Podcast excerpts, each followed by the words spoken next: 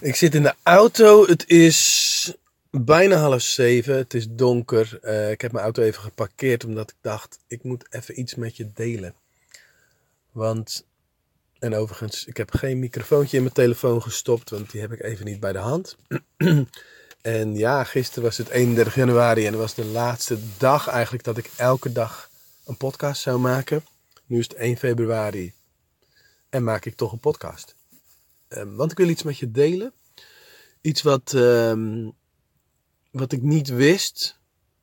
Iets wat zeg maar onbewust speelde. Wat mij onbewust tegenhield om met mijn bedrijf te groeien. Eigenlijk heel gek wat ik nu ga zeggen. Er was vandaag een, uh, een trainingsdag van de Focus Masters. Dat is een groep ondernemers die ik een jaar lang uh, begeleid. Het gaat niet zozeer over kennis en informatie, het gaat veel meer over gedrag. En de zaal die ik huurde, die was uh, beter en mooier gemaakt. Dus er hingen nu uh, doeken en er lag een podium. En ik ben op dat podium gaan staan en de spotlights aan gaan zetten. Um, en toen zag ik, toen ik naar beneden keek, die stoelen vrij laag. En toen dacht ik opeens van, oh shit, nou snap ik het. Want ik had het gevoel dat ik op de mensen neerkeek. Terwijl ik dus op dat podium stond. Dus dat gebeurde nog voordat de mensen binnenkwamen. En toen dacht ik, oh, dat is waarom ik niet op een podium ga staan. Maar waarom ik gewoon liever op de grond sta. En waarom ik dus ook dan niet een groep groter dan 30 of zoiets kan hebben. En terwijl als ik op een podium sta, dan kan ik een grotere groep hebben. Want immers, als ik op de grond sta, dan kunnen, kunnen de achterste mensen mij niet zien. Dus dan, daarom heb je een podium nodig.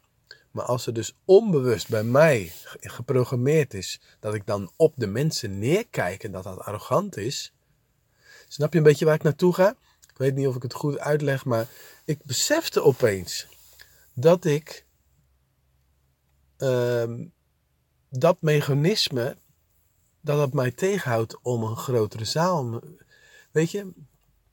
En toen dacht ik opeens: oké, ik ga vandaag. En het was geen grote groep, het waren 25 man of zoiets. Um, maar dan ga ik expres op dat podium staan en dan zet ik de spotlights aan, zodat ik in beeld ben. Nou, voor de mensen is dat eigenlijk alleen maar fijn, want dat kijkt gewoon makkelijker. En dat zeiden ze ook. Oh, heerlijk dat je op een podium staat. En toen heb ik dit ook uitgelegd. En toen zei ik, ik heb dit podium vandaag uh, en ik ga erop staan. En er zijn ook vandaag kansen dat jullie ook op het podium kunnen staan. Dat je ook kan ervaren hoe het is om in die felle spotlights te staan.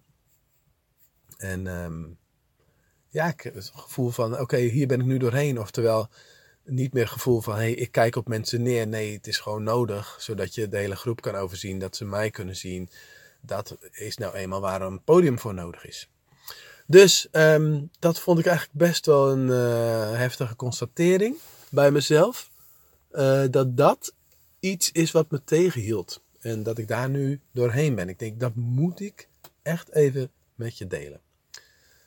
Het is vrijdagavond. Ik rijd het laatste stukje zo naar huis. En uh, ga ik lekker een hapje eten. Met mijn drie meisjes. En um, thuis is het volop nog klussen. De stukendoor is gisteren begonnen. Het hele huis is geel. Beneden kunnen we niet zitten. We kunnen niet koken. We kunnen eigenlijk helemaal niks. Um, alleen maar boven leven. Dus het is een soort van... Uh, ja, laatste loodjes van de verbouwing. En als dat voorbij is, dan... Uh, nou, dan wordt het echt heel erg mooi. Dus van het weekend nog even hard werken in het huis. En uh, ik wens jou een heel goed weekend. Als je zoiets hebt van, ik merk ook dat ik blokkades heb, ga op zoek wat, uh, wat die blokkades zijn en uh, kijk of je het op kan lossen.